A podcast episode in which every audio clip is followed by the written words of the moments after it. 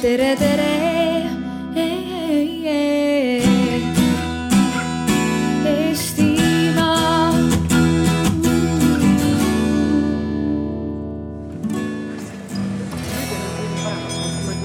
Aga ma arvan, et aeg on käes.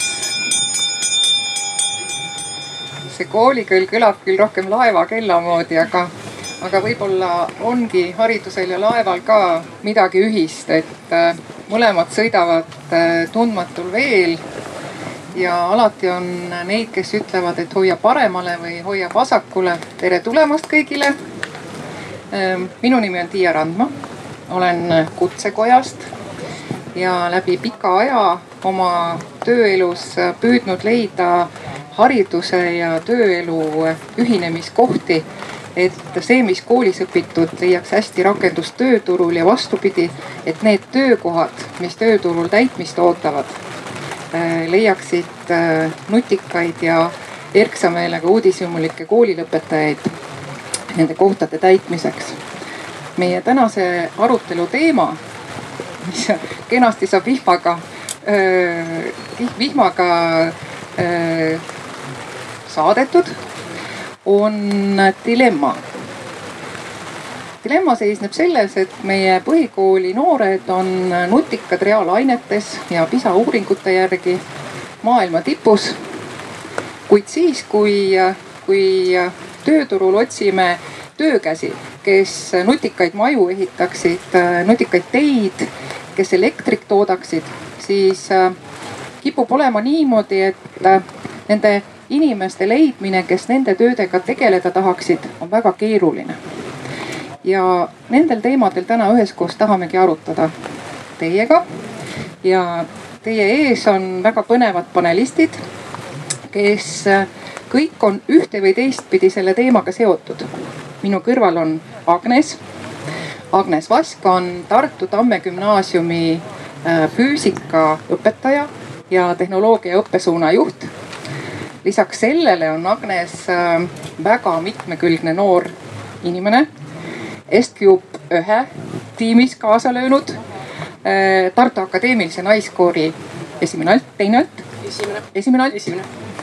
lisaks sellele võib Agnest leida väga tihti ka orienteerumisradadel. vot selline vahva Agnes.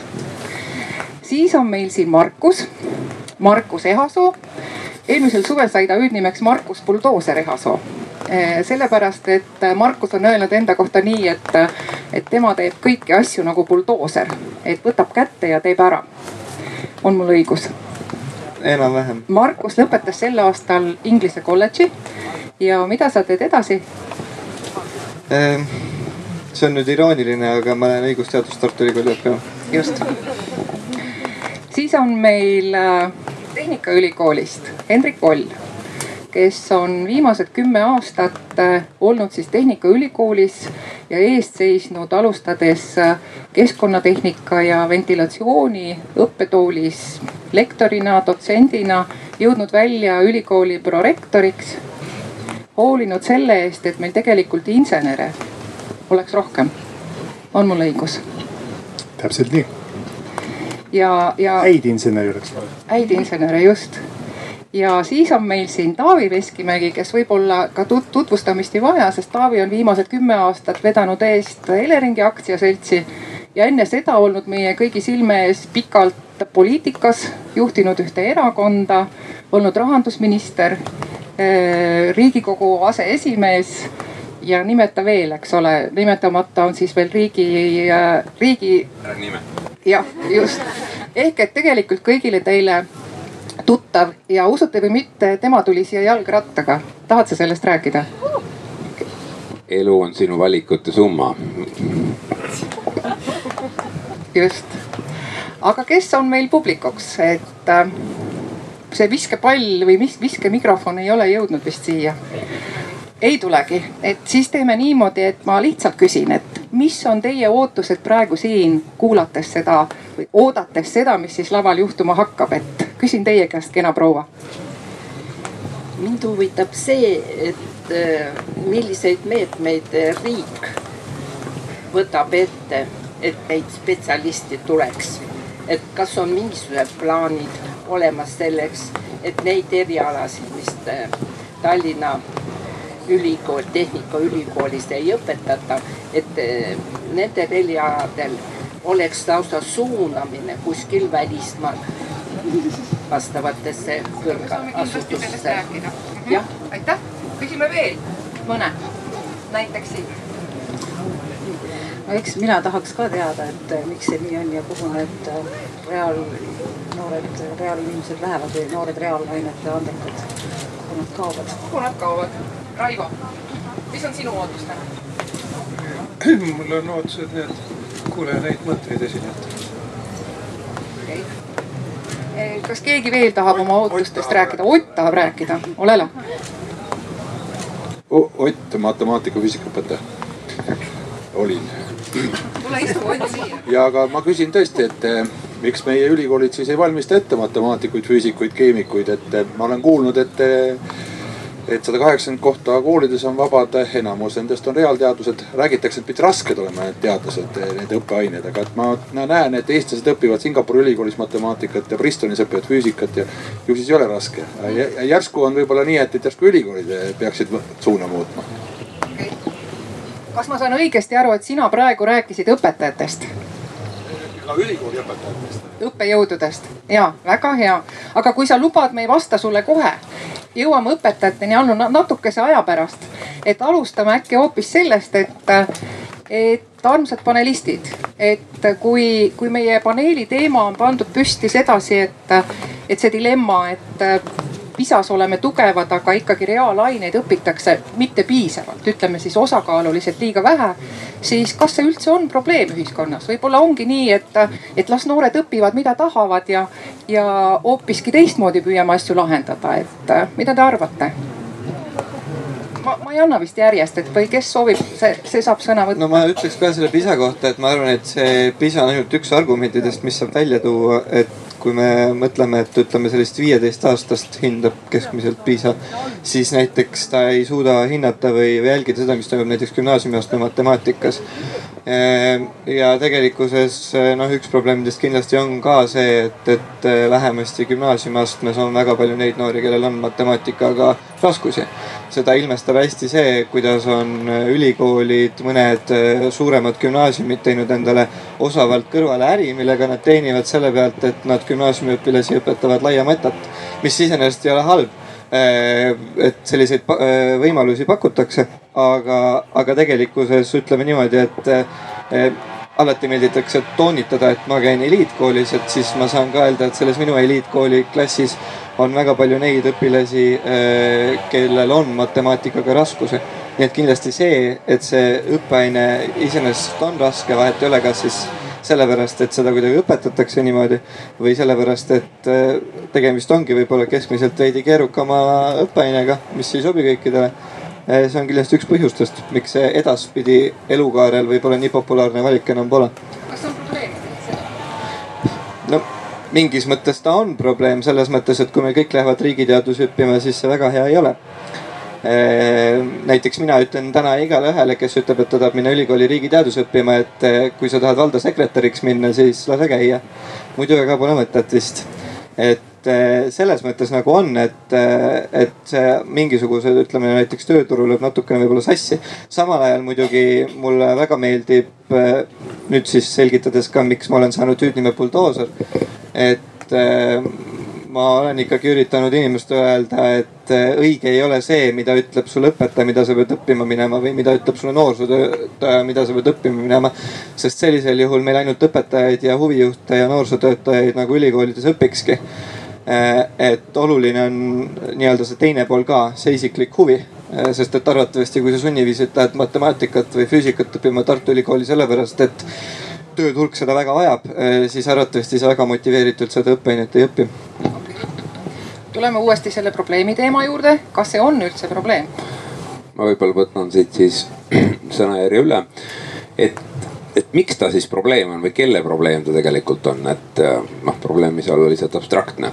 et ma arvan, et ta ei ole, kui ma vaatan Eleringi poolt, ta on Eleringi probleem niivõrd, kuivõrd me ei leia tööjõudu, aga ma arvan, et noh päeva lõpuks on meil tööjõu vaba liikumine ja, ja kui me ei leia siit, siis me leiame kuskilt mujalt. et ma, ma arvan, et ta tegelikult nihukest järgmist kümnet aastat vaadates ei ole niivõrd isegi ettevõtte probleem ta võib olla potentsiaalselt inimese probleem sellest lähtuvalt, et ma ei tea, nihuke Pareto printsiip, et tõenäoliselt kakskümmend protsenti keskkooli lõpetajaid või gümnaasiumi lõpetajaid teavad, mida nad teha tahavad, kaheksakümmend protsenti tõenäoliselt ei tea, mida nad teada, teha tahavad. ja nad teevad üsna juhuvaliku. Ja see võib nii-öelda kogu inimese tulevase elu ära rikkuda, kuna ta on teinud juhuslikult vale valiku. kuna võib-olla need väärtused, need hoiakud ühiskonnas on olnud valed, mis on suunanud ta kuhugi nii-öelda valele teele ja, ja, ja sellest lähtuvalt ta võib olla inimese probleem, aga kindlasti ta on ühiskonna probleem, majanduse probleem. et kui meil järgmisel kümnendil läheb äh, iga aasta kümme tuhat inimest äh,, kui me vaatame tänast Eesti populatsiooni tööjõuturult rohkem ära, kui juurde tuleb.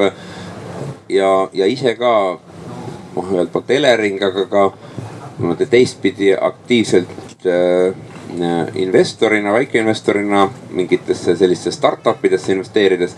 noh nähes tegelikult, et kuivõrd just seda tüüpi tööd on noh või seda tüüpi töö tegijatest on siiski puudus nagu majanduses tervikuna, et või me võime lahendada nagu iga üksiku konkreetse ettevõtte probleemi, tuues kasvõi inimesi noh Indiast, eks ära aga siis eh, tõenäoliselt majandus kui terviku jaoks on ta nagu suur probleem, et ilmselgelt noh, kui me räägime, et Eesti on sellise keskmise sissetuleku lõksus ühiskonnana, et, et meie GDP per capita on kuskil kaheksakümmend protsenti. OECD keskmisest, siis ilmselgelt sellised kompetentsid, sellised teadmised, sellised kogemused on midagi sellist, ilma mida omamata ei ole ühiskonnal võimalik sellise keskmise sissetuleku lõksust välja tulla ma võib-olla räägiksin natuke statistikast, et siin oli sissejuhatus, et põhikoolis me oleme hästi tipus, et nüüd annan väikse ülevaate, et mis seis on siis gümnaasiumi lõpus. ja just nagu matemaatika lähtekohast, et kaks tuhat kaheksateist oli meil matemaatika riigieksami tegijaid seitse, umbes seitse tuhat kaheksasada. Nendest neli tuhat ükssada tegi laia matemaatikat ja kolm tuhat seitsesada tegi kitsast matemaatikat ja kitsa matemaatika tegijate keskmine punktiskoor oli tugevalt alla neljakümne. kolmkümmend seitse või kolmkümmend kaheksa umbes, näitab, et noh, see matemaatikatase on nõrk. laia matemaatika eh, keskmine punktisumma oli viiskümmend viis umbes. Ja kui me vaatame, et noh, Tallinna Tehnikaülikool on nagu lävendiks pannud laia matemaatika vähemalt viiskümmend punkti, mis ei ole ülemäära lai siis selliseid noori eelmisel aastal, kes üldse meile kvalifitseeruks, oli kaks tuhat kakssada kolmkümmend kaheksa Tallinna Tehnikaülikool võttis neist tuhat kakssada endale õppima või noh, meile tuldi õppima. me teame, et iga aasta siis umbes paarsada noormeest läheb sõjaväkke ja astub siis sellest aastakäigust järgmine aasta sisse, nii et tuhat nelisada umbes kahe tuhande kolmesajast läheb Tallinna Tehnikaülikooli. Ülejäänud ütleme üks viis-kuussada läheb Tartu Ülikooli, väga paljud lähevad arstiteadust õppima ja Tartus on ka hea IT, IT-teaduskond, kuhu nad lähevad õppima noh, mõned, mõned valivad veel siin Eesti Kunstiakadeemia, Maaülikooli, Tallinna Ülikooli nii et ega see valik väga suur ei olegi, et seal ütleme üks sada viiskümmend, kakssada on sellist noort, kes lähevad välismaale õppima. Nende püüdmiseks on väga lihtne retsept, tuleb latti tõsta, aga kui me latti tõstame, siis me ilmselt kaotame just need viiekümne, kuuekümne punkti laia matemaatika tegelikult on veel rohkem. et see on nagu valiku küsimus, et kuskil seal põhikoolis, kus me oleme tipus ja gümnaasiumis, kus me nagu lõpetame, on probleem, et seitsme tuhande kaheksasajast kaks tuhat, kes üldse võiks kvalifitseeruda ja noh, ütleme, et nendest üle poole tugevasti võtame, et väga palju varu ei olegi võtta. no vaata nüüd, Agnes, eks pilgud tulevad sinu peale, et kui kui oli jutt, et see on meie ühiskonna probleem ja tegelikult siis meil ei olegi ülikooli palju võtta, et, et, et sina oskad ütelda, et mis pilguga sa vaatad siis nüüd kooli sees. et, äh, et sina vaatad küll nüüd füüsikaõpetaja pilguga, et jutt käis praegu matemaatikast, aga põhimõtteliselt ikkagi siis see reaalsuuna noored, et kui palju on neid, kes särasilmselt tulevad su füüsikat äh, õppima ja sinuga koos äh, tegema erinevaid rühmatöösid ja rakette ehitama? No minul on õnneks praegu veel selline tore kogemus olnud, et minu tunnist tavaliselt nad lähevad särasilmadega minema äh, aga no ma ei tea, kaua mul see äh, edutunne kestab, sest et tunnetan ka ise, et iga aastaga, kui palju ma neid koolis olen töötanud, tegelikult väga vähe, et ma olen ainult kaks aastat seal töötanud. aga juba mingisugune teise aasta lõpuks mul kadusid juba mõned roosad prillid nagu eest ära, aga samas suvevaheaeg, noh, see oli tegelikult kevadel, et nagu suvevaheaeg on päris palju patareisid taastanud. nii aga tegelikult ma isegi õpilaste suhtes seda äh, jah, on suur osa õpilasi, kes ütlevad, et need füüsika ei ole minu ala ja nagu lukustavad ennast sellest, sellest ära. Nad, nad on täiesti omadega kinni, ütlevad, et nii, mina füüsikat ei õpi, kõik. sellistega on väga raske suhelda. Ja kust see seisukoht tuleb tegelikult no päris palju ühiskonnast, sest et ähm, Mm, kui mina, okei okay,, ma suhtlen jah õpilastega, aga tegelikult kogu aeg, kui ma mingisuguse uue inimesega tutvun. ma ütlen, et jah, et tere, mina olen Agnes, mina olen füüsikaõpetaja, siis esimene asi on nagu, et no või noh, et kui nad kuulevad, et ma füüsikat õpetan, siis äh, inimestel lihtsalt lähevad, silmad lähevad suureks ja ütlevad oi minule küll füüsika üldse ei meeldinud, meil on nüüd, et äh, noh, see kuidagi on ühiskonda nii sisse kinnistunud, et füüsika, matemaatika, need on rasked, kõik kas on publikus, Ott kindlasti tahab ütelda oma arvamuse selle kohta, et kas füüsika ja matemaatika on meie kooliprogrammis liiga rasked? Vot ma ei tea, ma ei ole viimased kakskümmend aastat õpetanud, aga et. aga ma õpetasin kakskümmend kaks aastat, eks ole, ja tegelikult oli mul üks viimane kõige suurem edulugu on see, et ma õpetasin tüdrukute klassi. ja õpetasin neile füüsikat ja täna nendest on üks nende hulgast on TalTechi keemiateaduste doktor ja, ja õppejõud TalTechis, aga nii ma arvangi nii, et, et kui minu käest küsiti tunnis, et mida õppida, siis mina ütlesin kõigile tüdrukutele õppige keemiat, sest eh, keemia on parfümeeria keemia on äh, teie autos, keemia on teie kodus, keemia on kõikjal ühesõnaga. ja minu viimane selline tore kokkusaamine oli Tartu Ülikooli noore füüsikuga, kes on lõpetanud Nõo Reaalgümnaasiumi. ja kui sa küsisid, et, et, et, et sinu õpilastel on õnn, et õnn, et nendel on füüsikaõpetaja, siis tema ütles nii, et, et tema jõudis Nõo Reaalgümnaasiumisse ühest väikesest koolist, kus üldse füüsikaõpetajat polnud. esimene füüsikaõpetaja oli temal Nõo Reaalgümnaasiumis ja nüüd tema õpib äh, füüsikat Tartu Ülikoolis, sest äh, ta käis ühel olümpiaadil kus tal õnnestus saavutada teine koht. ja sellest piisas, et ta oligi Tartu Ülikooli väga oodatud. ja ma arvangi, et need reaalteadused tegelikult avavad ukse tunduvalt suuremasse maailma kui need muud erialad. kas on publikus veel keegi, kes tahab midagi kaasa rääkida praegu? nii. Aitäh, kaks mõtet Eh, üks mõte on see, et eh, noored ju kuulevad seda juttu, et tulevikus kõiki asju toodavad eh, robotid, keda juhivad arvutid, keda omakorda juhib tehisintellekt. et milleks neid inimesi, insenere on vaja, et inimesi ongi vaja ainult siis seda inimlikku olemist mõtestama, et õpime ikka neid humanitaarasju. ja teine mõte on see, et oskamise eelduseks on õppimine ja õppimise eelduseks huvi.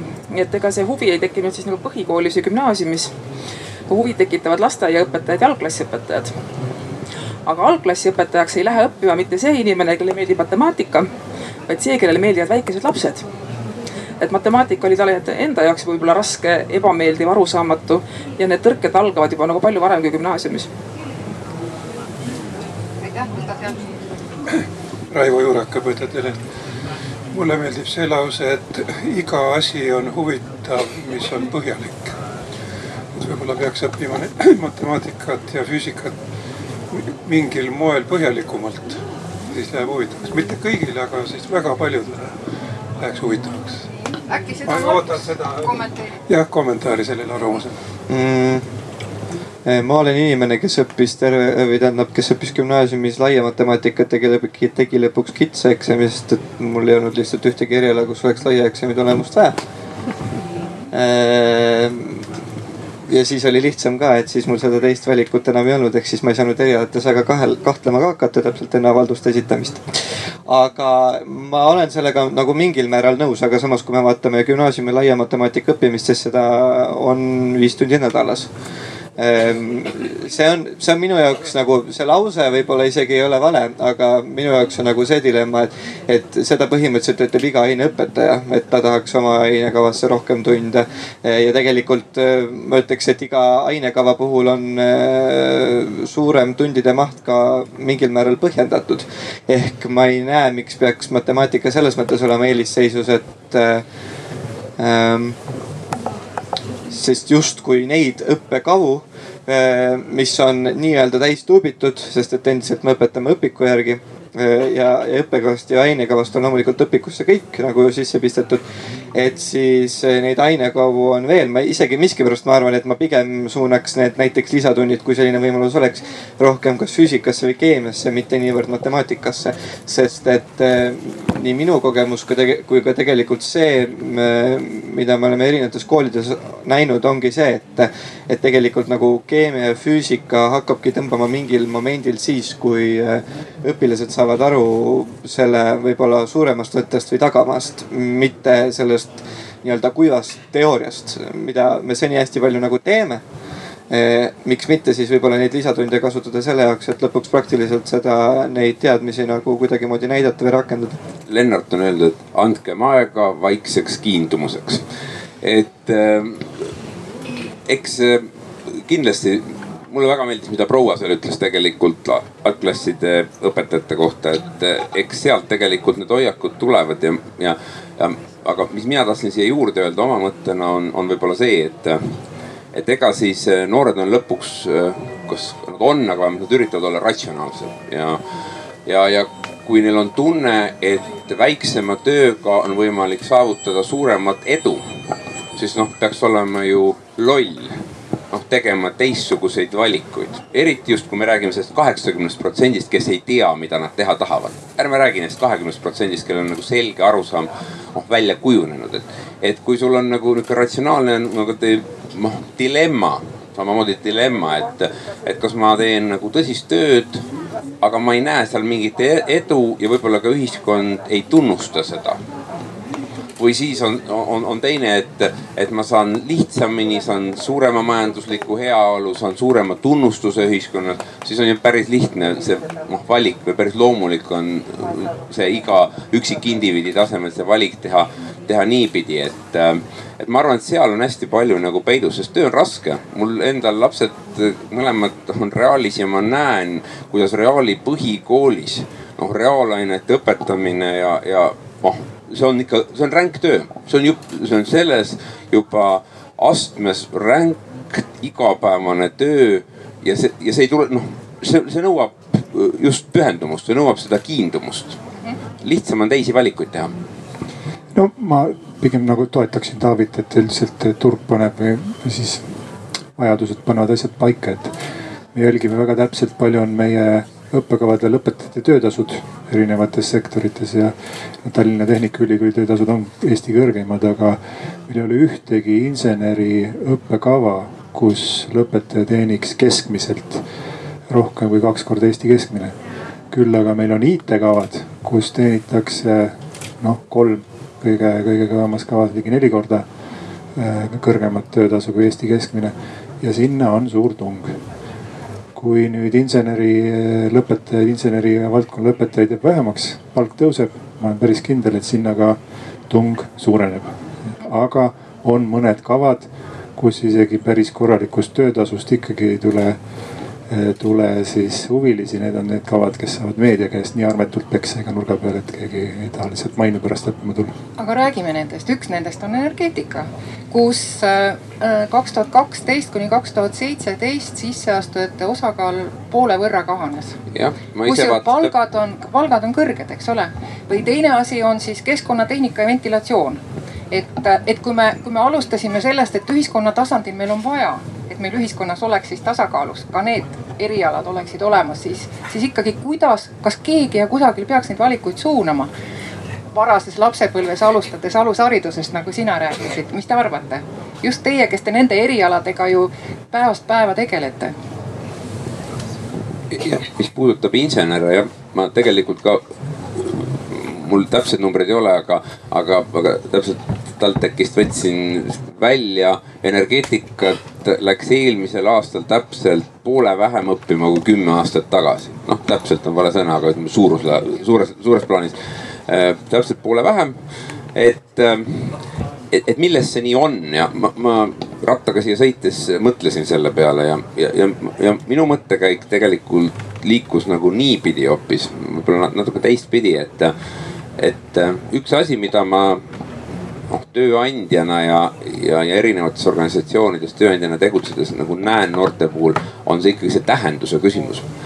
ja et hästi oluline noortele tähendus, et miks, miks nad seda töö teevad, see kõrgem tähendus, higher purpose, et miks me seda tööd teeme ja võib-olla me ei ole suutnud ka ise inseneritöö puhul seda kõrgemat tähendust piisavalt nagu sisustada, et kui me räägime näiteks kliimamuutus ja, ja mul on väga palju endal Eleringis noori inimesi, kelle jaoks see teema on väga oluline, see läheb neile korda. Nad on täitsa ausalt öelnud, et, et meid see palk, noh loomulikult palka on kõigil vaja saada, mingid kulud on vaja katta, aga see palk ei olegi meie jaoks nagu esmakoha, esma, esmatähtis, aga me näeme, et vot siin Eleringis on meil võimalik midagi teha selleks, et äh, maailm oleks parem paik, kus elada. Ähm, et et, et me ei ole võib-olla ühiskonnana seda inseneritöö tähendust noh piisavalt avanud, et ta, ta kõnetaks noori, et miks just on see oluline, et natukene on jäänud insener selliseks noh tehniliseks töötajaks. Jah, täpselt nii ongi, ma ütlen, et energeetikasektor, mida me meediast loeme, Põxit, eks, et tuuleenergiat ei saa kasutada päikeseenergia Eestis ei toimi. ehitajad on meil Kalevipojad, eks kui see Kalevipoja film välja tuli, siis meil ehitusteaduskonda vastuvõtt kukkus kolmkümmend protsenti kolinal. siis meil on teerullimehed, eks, siis meil on torujürid on ju et need sektorid, kes on puutumata sellisest meedia ülekohtusest, ma ütleks just robootika ja IT, nemad on, naudivad ikka noh, ütleme suuremat populaarsust, aga täiesti Taaviga nõus, et me ei ole lahti suutnud seletada mis on nende siis valdkondade väljund ja ülikool seda ise nagu üritab, aga üli, ülikooli käed endal jäävad lühikeseks, et meil on siin väga nagu erialasektorite suurt abi vaja. on ka edulugusid, näiteks eelmisel aastal oli meil kõige viletsama vastuvõtuga õppekava teedeehituse geodeesia. et seal on kahe peajärjega kava ja sinna tuleb ainult üksteist üliõpilast õppima, et see on tegelikult oluliselt vähem, kui me ülikooli reeglid ette näevad, et kava avada ja see aasta, mis nüüd toimus seal sektoris, kõik see meediakuvand, stipendiumid ja panek, et see oli väga tänuväärt ja see aasta siis mul on hea meel teatada, et teedeehitust ja geodeesiast tuleb õppima ligi nelikümmend üliõpilast, mis on läbi aegade nagu parim, et. et see meediapilt, eriala lahti seletamine, kes sa oled, miks sind vaja on, see ikkagi tegelikult mõjub päris palju. kas sa tahad küsida? lisada lihtsalt, mina olen Äh, Helen Kaasik äh, Tallinna Reaalkoolis üle neljakümne aasta õpetanud matemaatikat. ja tegelikult just äh, ise olen ka mõelnud, et, et miks siis on nüüd muutunud tegelikult alles viimaste aastate jooksul Äh, meie õpilaste mm, nagu valik just pärast gümnaasiumi äh, selles osas, et, et tõepoolest, äh, kui alles minu arvates alles viis aastat tagasi, aga kümme aastat tagasi kindlasti oli, pooled vähemalt läksid Tallinna Tehnikaülikooli meie lõpetajad, siis nüüd on see vähenenud isegi niimoodi, et kuskil kolmandiku peale. no mis on tunduvalt vähem ja, ja tähendab, ma kohe ju tunnen peaaegu nii kõiki õpilasi sealt et ma tean, et, et äh, nii tohutult äh, tõmbab IT ja muidugi seda praegu siis nagu Tartu poolt. nii et äh, näiteks praegu siis Tartu Ülikooli läheb meil üle poole õpilastest, mis oli tõesti kümme aastat tagasi. noh, tegelikult läks meil minu arvates isegi kakskümmend, kolmkümmend protsenti ainult ja arstiteadus ka on muidugi, kes väga palju võtab, mis on minu arvates väga õige, sest targad inimesed peavadki arstideks minema ja aga ma leian ka, et, et vot inseneride puhul vist on nii, et, et ma tean, et Tehnikaülikool ise teeb väga palju kampaaniat ja käib tutvustamas oma erialasid õpilastele ja kutsub õpilasi sinna. aga mul on tunne, et ülejäänud ühiskond tähendab, seda näitab palju vähem ja tähendab, ähm, võib-olla üks asi on seal ka siiski ka raha küsimus, sest me millegipärast teame kõik, et IT valdkonnas on võimalik vähemalt mingi teatud noh, nagu aastate pärast vähemalt saada, eks ole, päris suurt palka, siis inseneride puhul me võib-olla seda nii väga ei teagi.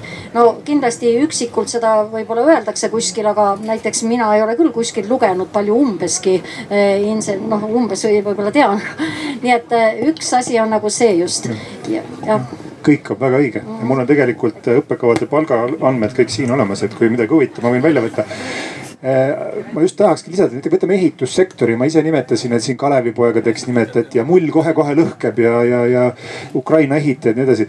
publikust, kas kellelgi tuleb meelde, millal oli meedias midagi positiivset ehitussektori kohta, mis on tõsiselt nagu hea, mida noor inimene siis loeb ja mõtleb, oh ehitussektor on äge, kas tuleb midagi meelde? Või ikka mull lõhkeb, Ukraina ehitajad, pankrotid, maksmata jäänud? noh. Ja, ja targad inimesed lähevad, nagu sa ütlesid, sellel aastal kõige rohkem avaldusi oli IT-sse, millest, vabandust, tervishoidu, meditsiini, siis IT-sse, siis haldusjuhtimine, ärikorraldus. ja kolmas või neljas oli siis järjekorras äh, õigus, õigus, õigus, jah õigus, just nii nagu sina valisid. aga nüüd sa ootad juba tükk aega, et ole palun hea, sõna on sinu. ja ma räägiks siis eh, noh, et kui ma selleks paneeliks valmistusin, siis ma küsisin endal sugulaste-tuttavate käest, et mis siis, mis asi see inseneeria siis on ja et kuidas, eh, kuidas seda populaarsemaks saada. see, et ma tegelikult füüsika, füüsik olen, see ei ole kuidagi eriti väga juhuslik, sest et mul on vanavanemad mõlemad füüsikud. Nemad läksid eh, füüsikat õppima kuuekümnendatel aastatel ja Tartu Ülikooli ja nad ja ma küsisin noh, et siis kuidas siis toona oli. Nemad ütlesid, et äh, toona äh, astus Tartu Ülikooli füüsikasse sada kolmkümmend inimest sisse. et äh, viiskümmend inimest eestikeelsele õppekavale, viiskümmend inimest venekeelsele õppekavale ja kolmkümmend inimest astronoomiasse. ja miks oli nii palju äh, soovijaid just füüsikasse äh,? ma küsisin enda vanaisa käest ja siis ja, ja mul äh, vanaisa ütles, et toona oli tegelikult füüsika oli äh, noh, ta ütleb, tema kasutas sõna jumala staatuses, et füüsik oli keegi, kes jagas maailma, kes oskas ehitada, kellel oli selline vapustavalt hea maine. et toona oli just kosmosevõidujooks paar aastakümmet Äh, või oli tagasi, olid äh, tuumapommid äh, pandud, mis jah, okei okay,, nad on tegelikult väga kohutavad asjad, aga ometigi väga noh, selles suhtes inimkonna teaduse tippsaavutused siiski. et äh, kuidas saaks võib-olla inseneeriasse rohkem inimesi, on võib-olla, et mitte noh, insener tundub võib-olla see, see on tegelikult nagu plaastri peale panemine võib-olla, aga inseneri eriala kõlab sihukese nagu vähem võhiku inim-, võhiklikumale inimesele kõlab natuke kuivana. aga kui tuua siia sisse leiutaja aspekt et siis kas, kas see ei viiks, teeks midagi natukene paremaks, sest et kes see insener tegelikult on, ta loob uusi võimalusi, uusi süsteeme. Äh, kui rääkida tegelikult seda, et, et tegelikult kõik meie tänapäeva maagiline tehnoloogia, mis on tehtud, on tegelikult inseneride poolt, et kas see tegelikult võiks olla midagi, mis äh, meeldiks noortele, mis avaks nende silmi ja südameid ma olen väga nõus Taaviga, mis puudutab seda, et, eh, et miskipärast nagu sellel põlvkonnal on see, et lisaks töökohale tahaks mingit suuremat lisandväärtust ka. mida esiteks ilmestab hästi see, kui, kui eh, kiiresti noored töökohti vahetavad, aga teisalt ka see, et kui suur panus on kodanike erinevatesse siis asutustesse, ühingutesse kus tegelikkuses enamjaolt tehakse vabatahtlikku tööd aga eh, mis ma nüüd kogu sellest jutust kuulsin eh, ja mida ma nagu kogu aeg seedisin, on see, et, eh, et arvatavasti kõik siin ruumis teavad ja me panelistid ka teavad, aga tegelikult nagu väga lihtne põhjus, miks ei minda näiteks füüsikat õppima, ongi väga lihtne. sellepärast, et inimesel ei ole arusaam, mida see reaalselt tähendab. et me rääkisime sellest ühiskondlikust arvamusest ja sellest, kuidas õpetajad on sööti, sellepärast et alushariduses me ja, ja ka algklassides ei anna seda teadmist edasi. ma olen nõus õpetajad, uskumatu, ma kaitsen õpetajaid, ma olen nõus, et õpetajad on kindlasti osa sellest.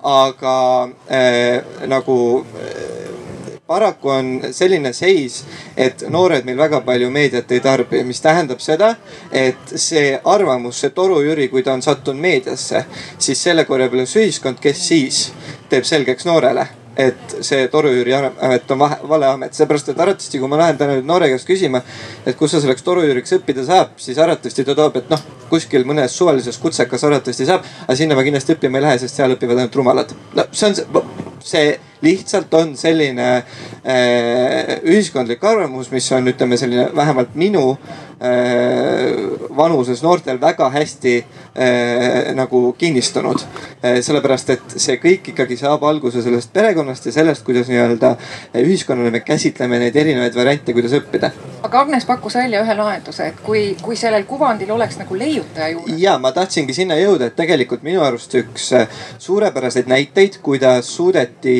äh, ministeeriumi, ülikooli ja riigimeedia kaudu äh, teha teaduse populariseerimist oli Rakett kuuskümmend üheksa või mis käib siiamaani e, ehe näide sellest, kuidas tegelikkuses panna inimene mõtlema selle peale, et äkki selle ainukene tahk füüsikal ei ole see, et ma võtan raamatu kätte ja loen sealt, äkki saab midagi veel.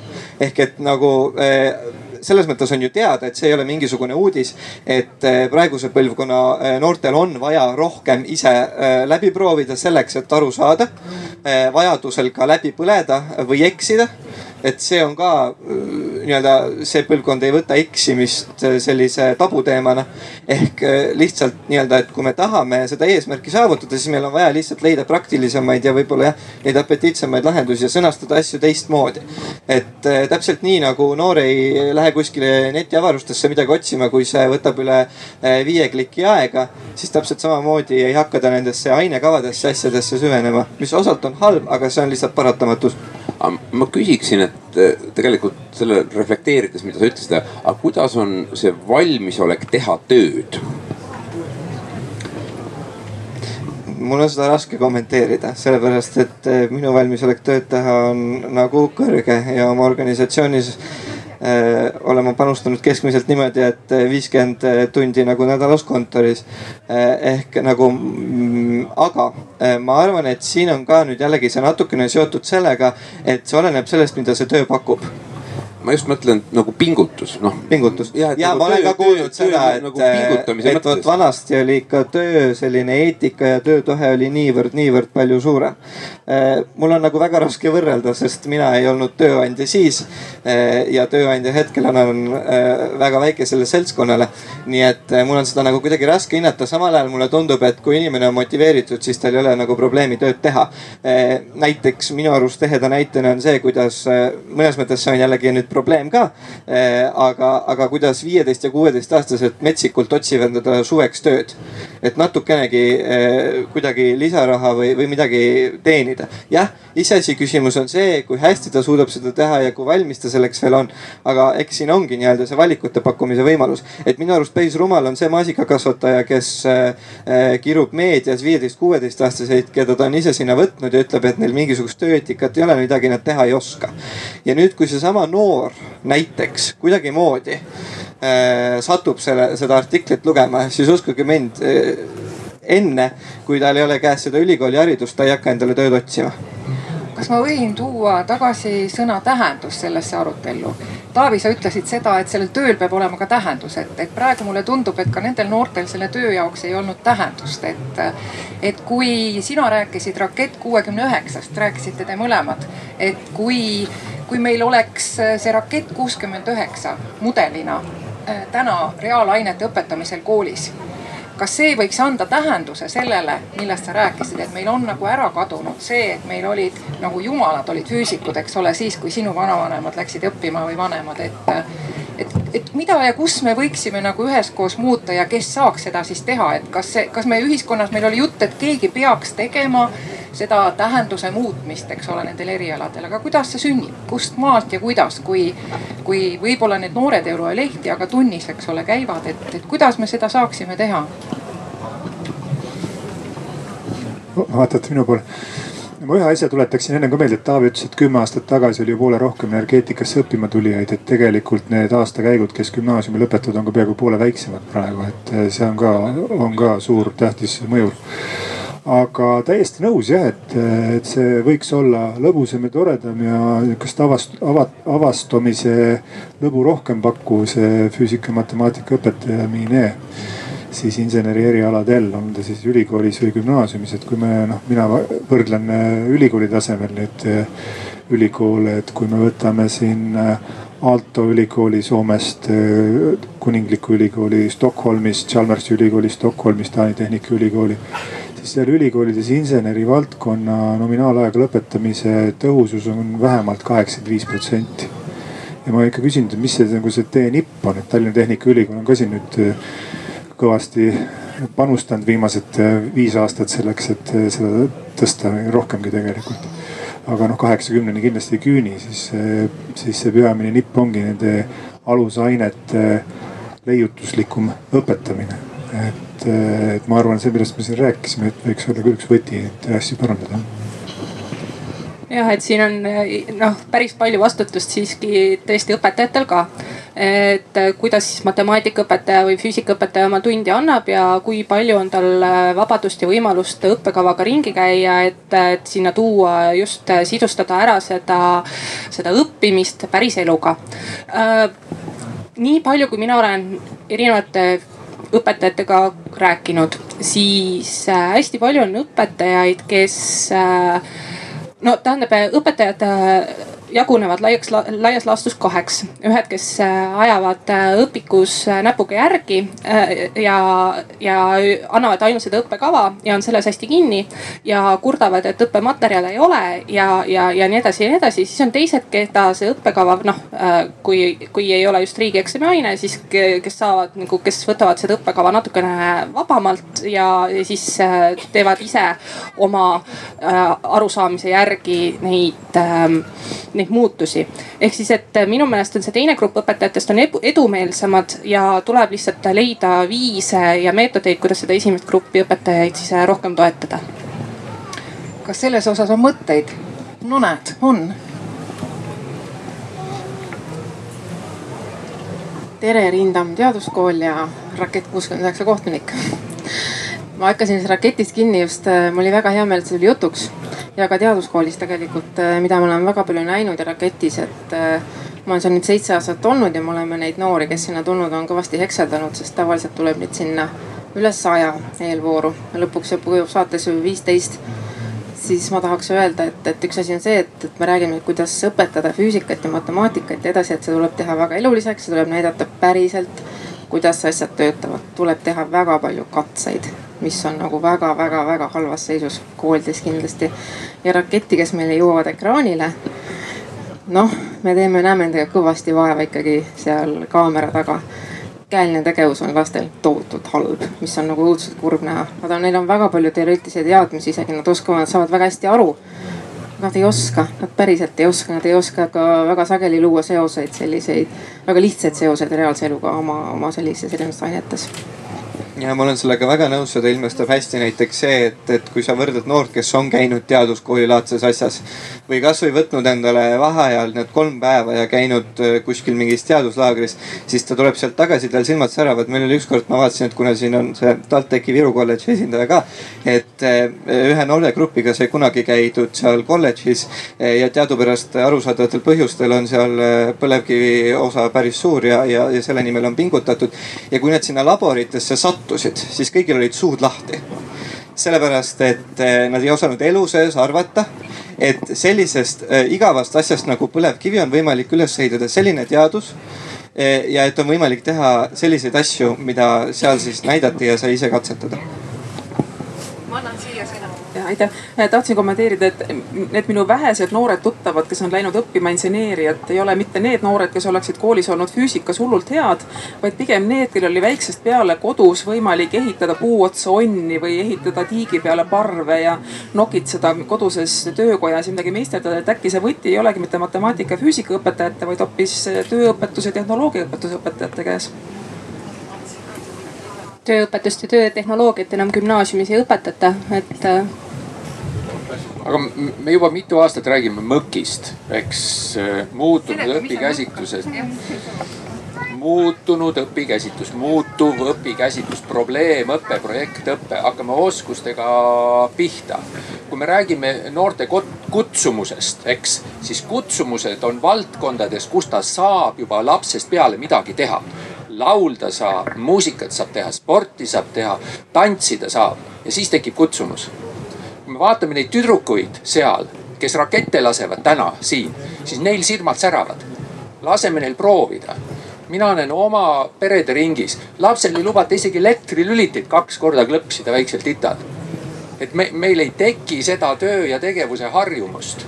ja aina räägime sügavast teoreetilisest teadmisest seda ma tahtsin ka öelda tegelikult, et see töö ja tegev- äh,, mul oli äh, õnn ja rõõm äh, vestelda nagu gümnaasiumisse sisseastujatega. ja siis üks minu lemmikküsimusi oli see, et, et milline on nagu selline projekt või asi, millega nad viimasel ajal on nagu tõsiselt vaeva näinud ja üheksakümne viiel protsendil juhtudest oli see ainult loovtöö. et see initsiatiiv tuli ainult koolist, et midagi sellist, et nad nagu omal käel oleksid teinud ja katsetanud, niisama seda ei olnud. sama teema, millest Taavi rääkis ma ütlen ainult paar asja siia juurde selle just äh, nüüd õpetamise osas, et peab olema eluga seotud ja hästi huvitav ja kõik ja, ja tegelikult on nii, et, et selleks, et seda tõesti teha nii, et õpilasi haarata, peab olema väga-väga tark inimene. see tähendab, see õpetaja peab valdama seda materjali palju rohkem kui võib-olla praegu noh tavalist tundi andes. ja tegelikult neid õpetajaid lihtsalt nagu kõik teavad, enam ei ole, meil ei ole reaalkoolis ka enam füüsikaõpetajaid juurde võtta võtta, otsitakse igal aastal. sellepärast, et eh, neid õpetajaid, keda noh, ütleme, kes just haaraksid noori kaasa ja kes suudaksid vot sedasama teha, neid katseid nii, et, et nad saaksid ise ka sisuliselt sellest aru. tähendab, neid on praegu, ma vot seda probleemi ma küll ei kujuta ette. Mm, tähendab noh, kindlasti on mingid lahendused, aga praegu, et saada juurde ka matemaatikas peab olema õpetaja selleks väga palju üle mm, materjalist, et anda eluga seotud pandud ülesandeid ja neid tõesti niimoodi, eks ole, et, et see lastele noh meeldiks. nii et see oleks just see õpetajate tase, seda ma tahtsin nagu öelda. kuna sealt korraks tuli see mõki teema ja see on üks mu lemmikteemadest kindlasti hariduses, siis ähm, ma ütleks, et see on üks võib-olla suuremaid asju, mis Haridus- ja Teadusministeeriumil sellise kontseptsiooni mõttes on natukene nagu viltu läinud. et eh, mul oli õpetajate majas selline au anda eh, siis sedasama mõki osas eh, nii-öelda läbi õpilaste silmade koolitada õpetajaid, kes siis ise vabatahtlikkuse alusel said registreerida sinna. ja tulid kohale ühe Tallinna väga populaarse kooli direktor ja õppealajuhatajad. ja siis ma näitasin seda, seda kõige esimest, seda kõige basic umat skeemi sellest, mis Haridus- ja Teadusministeerium toona, kui see koostati sellest tegi, siis ma küsisin, kas te teate, mis see on ja mitte ühtegi vastust ei tulnud. ehk siis tegelikkuses eh, on väga arusaamatuks jäänud see, eh, kui palju on sellele panustatud, kui palju sinna on raha pandud, esiteks seda, seda mõkki arendada, teiseks seda, seda kuidagimoodi selgitada. aga me endiselt on koolis mingi selline lõhe, et kui seda üldse koolis rakendatakse, siis seda rakendavad ainult väga üksikud õpetajad kas, kas ma võin siia tuua sellised numbrid äh, sinu jutu toetuseks, et me oleme Euroopa meistrid äh, üle kuuekümne aastaste õpetajate osakaalu poolest. pretsedenditult kõige rohkem Euroopas on meil üle kuuekümne aastaseid, viiekümne aastaseid õpetajaid, vabandust. ja sealhulgas üle kuuekümne aastaste seas on meil äh, iga neljas on füüsikaõpetaja ja iga viies matemaatikaõpetaja ja kui me vaatame selle aasta vastuvõttusid, siis konkurentsitult madalam konkurss oli gümnaasiumi loodusteaduste õpetaja päevaõppesse, kus kümnele kohale kandideeris neli inimest. ehk et, et tegelikult ilmselt on üks vähk ka selle kivi alla maetud, et kui me mõtleme nüüd seda, et me tööturu kontekstis räägime sellest, et meil nendes valdkondades tegelikult on palgad head, energeetikas poolteist korda keskmine palk Eesti keskmisest ja nii edasi. sa ütlesid, et sul on taskus kõik, eks ole, palganumbrid et äh, aga kui me, kui meil see ettevalmistus ja valmisoleku loomine algab peale hoopiski kaugemalt, kus meil tegelikult täna ei jõua väga andekad. ehk et, et kuidas nagu seda teemat lahendada, et, et selliseid särasilmseid Agneseid väga palju täna sellel turul ei kohta, kui tohib nii öelda õpetajate turgu, et, et, et, et see on, mulle tundub, et üks selline kivi, mis tahab äralükkamist saada, et et head olen... panelistid, mis teie mõtlete? mina olen enda sõpradelt-tuttavatelt ikka saanud seda, et issand jumal, sa oled õpetaja, kuidas sa jaksad kuidas sa julged. kas sa neid õpilasi ja nende lapsevanemaid, kas sul nendega mingeid probleeme ja asju ei ole? et tegelikult selline pinge või nagu selline kartus lapsevanemate ees, ähm, kes esindavad tegelikult nagu mõneti ühiskonda, on, on tegelikult päris suur ja, ja tegelikult äh, ka siis selline kartus ka tegelikult õpilaste ees, tänapäeva õpilaste ees, kes äh, teavad enda õigusi, aga võib-olla mitte nii väga oma kohustusi, siis äh, see on ka üks suur äh, nagu selline hüüumärk või, või asi, mis, mida peab õpetajaks minemisel kindlasti arvestama. ja lisaks on ka kogu aeg see, et tegelikult ka minulgi kukla, kukla taga tiksub kogu aeg see, et ja, ja et minu sõbrad-tuttavad, kes noh, läksid kas siis kusagile inseneeriasse või siis füüsikasse ja kes ei tööta õpetajana. Nemad teenivad minust kaks-kolm korda rohkem raha. võib-olla ütlen ühe mõtte lihtsalt juurde siia, et ma arvan, et see kehtib nii õpetajate kui inseneride puhul. ja see on karjäärimudel kui selline, et noh, üks asi, et kui sa lähed inseneriks, noh kasvõi tuled Eleringi inseneriks, eks siis sinu noh karjäärimudel tegelikult on niimoodi, et sa oled ütleme noh oled insener, oled parem insener ja oled ekspert, eks ole. et aga, aga tõenäoliselt meie ühiskonnas noh hinnatakse ikkagi, et noh, sa oled spetsialist, siis sa oled keskastme juht, siis sa oled juht. noh, et see kuidagi see kultuur on tähtis või see väärtusruum on selline, et, et seda ekspertsust kui sellist ühiskond ei hinda piisavalt. Ja tõenäoliselt õpetaja puhul on ka, et noh, mis siis see õpetaja karjäärimudel on, et oled õpetaja, ma ei tea, oled õppejuhataja, oled direktor, vallavanem lõpuks. Eks, et, et noh, et, et, et mis, mis see tegelikult siis on, eks, et nad, nad, nad olemuslikult siiski mõlemad äh, ametikohad, kus sa sisuliselt äh, nihukest formaalset positsiooni muutmata suuresti lihtsalt oma ekspertsust kasvatad läbi noh teadmiste, oskuste, kogemuste, et ja mulle tundub, et ühiskond vot seda tüüpi liikumist sihukest väga täna ei hinda ega ka hinnasta. seesama noh palga palgaküsimuseks, et aga, aga ma julgeks väita seda, et, et inseneride poole pealt ma nagu väga ei, iseenesest ei karda, et inseneride puhul on, on, on täpselt niimoodi, et päeva lõpuks noh mikroökonoomika esimene kursus, eks, et, et hind on nõudluse pakkumise funktsioon. et noh, kui pakkumine läheb alla, nõudlus on üleval, hind tõuseb ja mingi tsükliga tööjõuturg reageerib sellele. õpetajate puhul ma olen palju rohkem mures vot, vot seal selline majandusmehhanism ei tööta. Et, et jah, et ma inseneride puhul noh, ma nägime, me oleme, ma olen ise seotud ka niisuguse ettevõttega nagu Milrem Robotics, kus on meil nii mehhatroonika kui IT-insenere palju ja oleme noh, sisuliselt viimase nelja aastaga värvanud noh, sada kolmkümmend inseneri. et et tegelikult neid inimesi on olemas, neid noori on olemas, kui on nagu kihvti ja nihukest tähendusega tööd võimalik, võimalik pakkuda ja, ja sealt tekivadki need edulood, mis nagu suust suhu noh kanduvad ja mis, mis inspireerivad, aga, aga vot õpetajate puhul ma küll ei tea, mis teha tuleks. eriti veel arvestades, et äh, viimane uudis oli ju, et õpetajate palgad külmutatakse järgmise paari aasta jaoks, et sihuke küllaltki ja teine probleem on muidugi ka see, et et kuidas hoida neid, kes lähevad õpetajaks õppima. et noh, tõepoolest muidugi see protsent äh, õpetajatest, kes lähevad õppima kas gümnaasiumiõpetajaks või põhikooli õpetajaks või reaalainete õpetajaks on ka hästi väike. aga ta siiski on mingil määral olemas, aga äh, alustavate õpetajatega on tihtilugu ka see, et, et peetakse mingisugune lühikene periood vastu. nii nagu sa ütlesid ka, vahepeal läheb motivatsioon täiesti nulli ja siis mõtled, et kas ikka äh, tahad seda Äh, kannatada, välja kannatada, et äh, väga paljud äh, otsustavad ikkagi selle tee katki jätta ja, ja oma hariduse kuskile mujale suunata, et, et see on ka tegelikkuses küsimus, et kuidas me suudame seda koolikeskkonda neile võimalikult meeldivaks teha. ja kuidas me suudame need sotsiaalsed garantiid neile võimalikult nagu head hoida.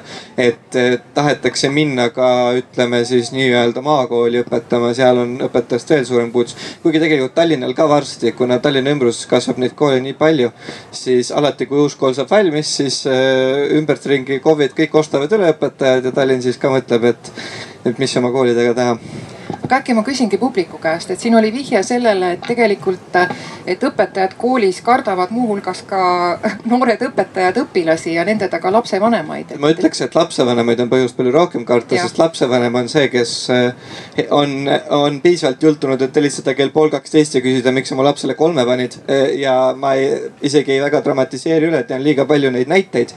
et ma olen alati õpetajatele öelnud, et, et kui on üks huvigrupp, keda eh, nii-öelda, kelle juttu võtta poole võrra alati väiksemaks koolis, siis see peab olema lapsevanem. sest paraku tal ei ole kompetentsi, et öelda õpetajale, kuidas ta peaks õpetama. kas sa räägid lastevanemate nimel, Raivo? ei, ma räägin lihtsalt ühest Facebooki postitusest, mis te ise tegite, kas sa räägid? ma tahtsin, tahtsin kõigile esitada ühe küsimuse, mis mul nüüd kuulates uuesti meelde tuli, üks vana küsimus, et meil on olemas muusikakoolid, tantsu, laste muusikakoolid, laste spordikoolid, laste kunstikoolid, laste tantsukoolid laste moekoolid, meil ei ole laste matemaatikakoole, laste äh, füüsikakoole ega laste keemiakoole.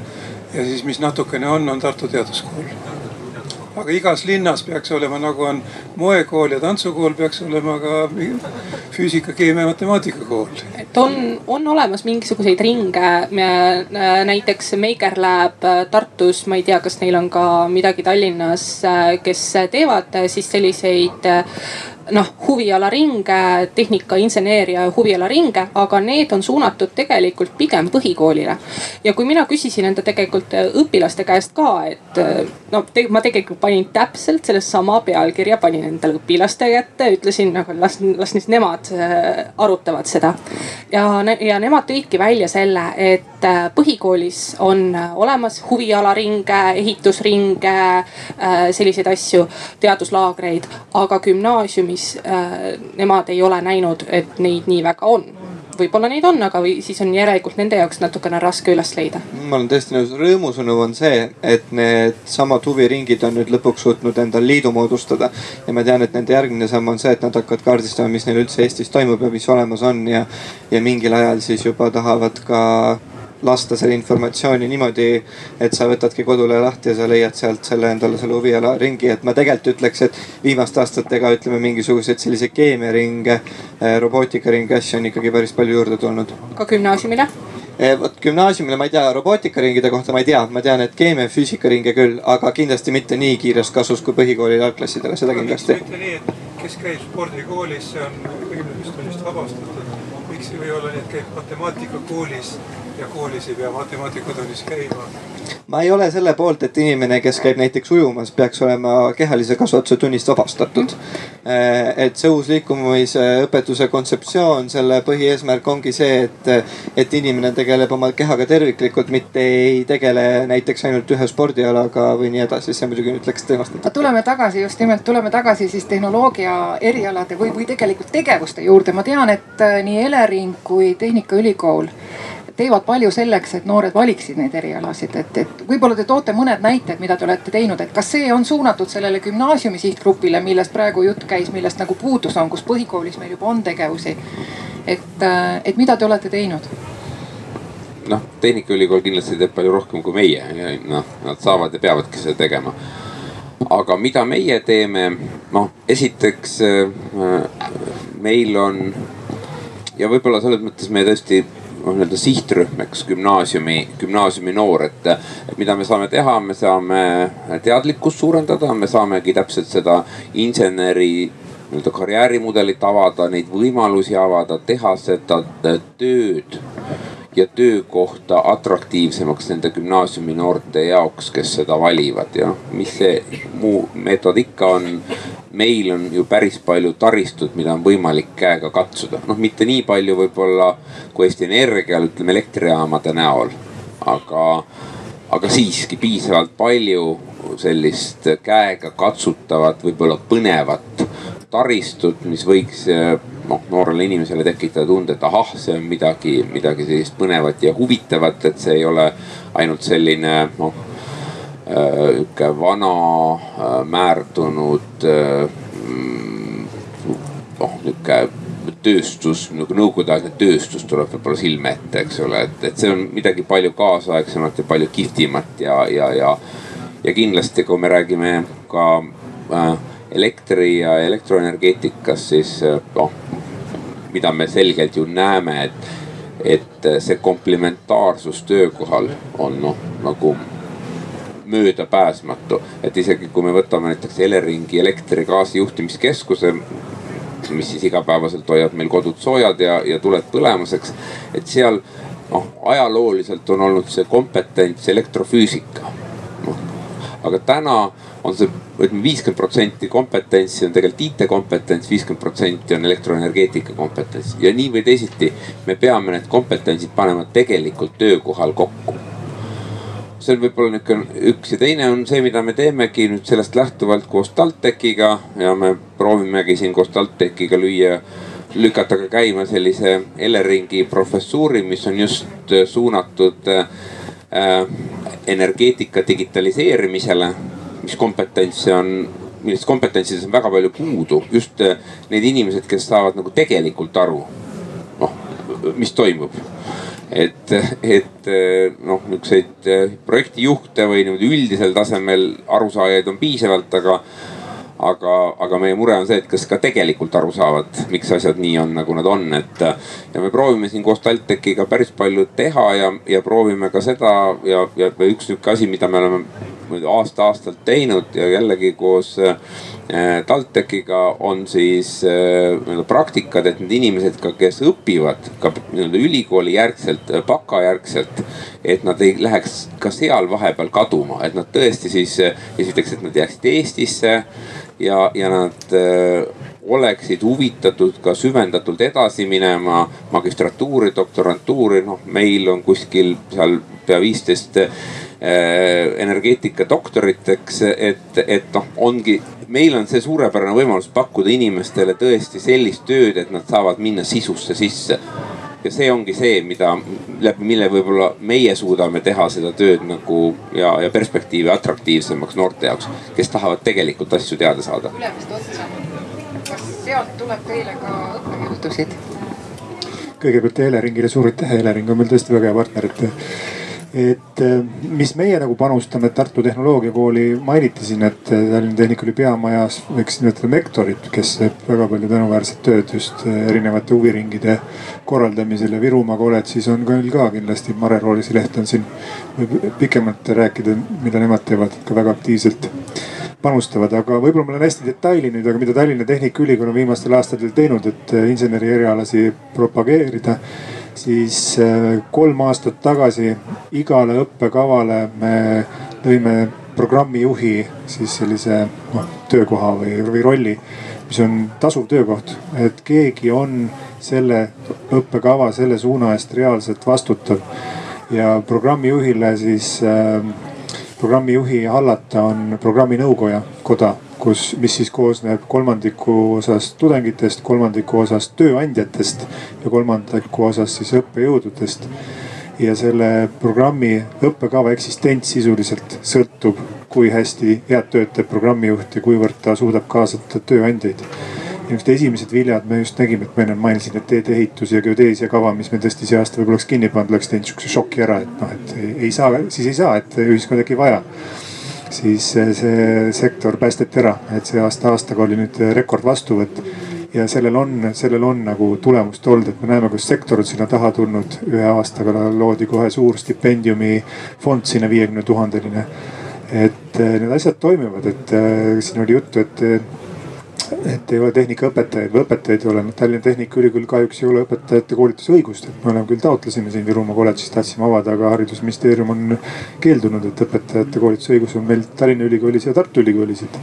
samasugused mõtted, mõtted on, oleks tegelikult ka, kuidas neid tehnikaõpetajaid, kellest proua Kaasik siin rääkis, kes peavad olema niisugused üliinimesed saaks sinna õpetada, saaks sinna ka tugeva stipendiumifondi taha teha äkki kuidagi nagu tuule tiibadesse panna seni nii ei ole nagu võimalust antud siin.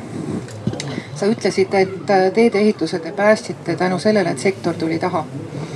ma saan aru, et energeetikasektor on ka taga, kui juba Elering on, küllap siis ka Eesti Energia et äh, kuidas nende teiste, sa rääkisid Kalevipoegadest, eks ole, et, et kas seal on võimalik ka sektorit taha saada, kus meil tegelikult sektor on väga killustunud, kus on väga palju väikeseid ettevõtteid, kus sellised suured gigandid on nagu üksikud, et, et kuidas, kuidas äh, sellises olukorras hakkama saada? No mu enda näite puhul on seesama torujuurisektor, mille esindaja ma olen, et see just, et seal kõige suuremad vihavaenlased tulid kokku ja tegid sama asja, mis teedeehitajad tegelikult siin paar aastat tagasi, et, et on hea näiteid.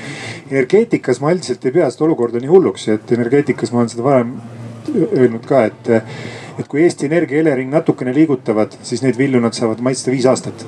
ja siis nad lasevad natukene jälle jala sirgu ja siis, kui vaatavad, et asi hakkab hulluks minema, siis jälle, jälle panustavad vähekene ja asi läheb jälle heaks, et eh, selle sektori pärast ma üldsegi ei muretse, et, et eh, on häid näiteid küll aga võib-olla see valus teema, et kui me rääkisime õpetajatest, aga tegelikult ka õppejõud, et kui Taavi rääkis professuurist, et kas, kas sealt lähevad töötajad nüüd ainult, kas see, kas see koostöö käib nagu suunal äh, Eleringile või tegelikult ka teie õppejõud saavad äh, sealt nagu tuult tiibadesse ja saate endale nagu midagi?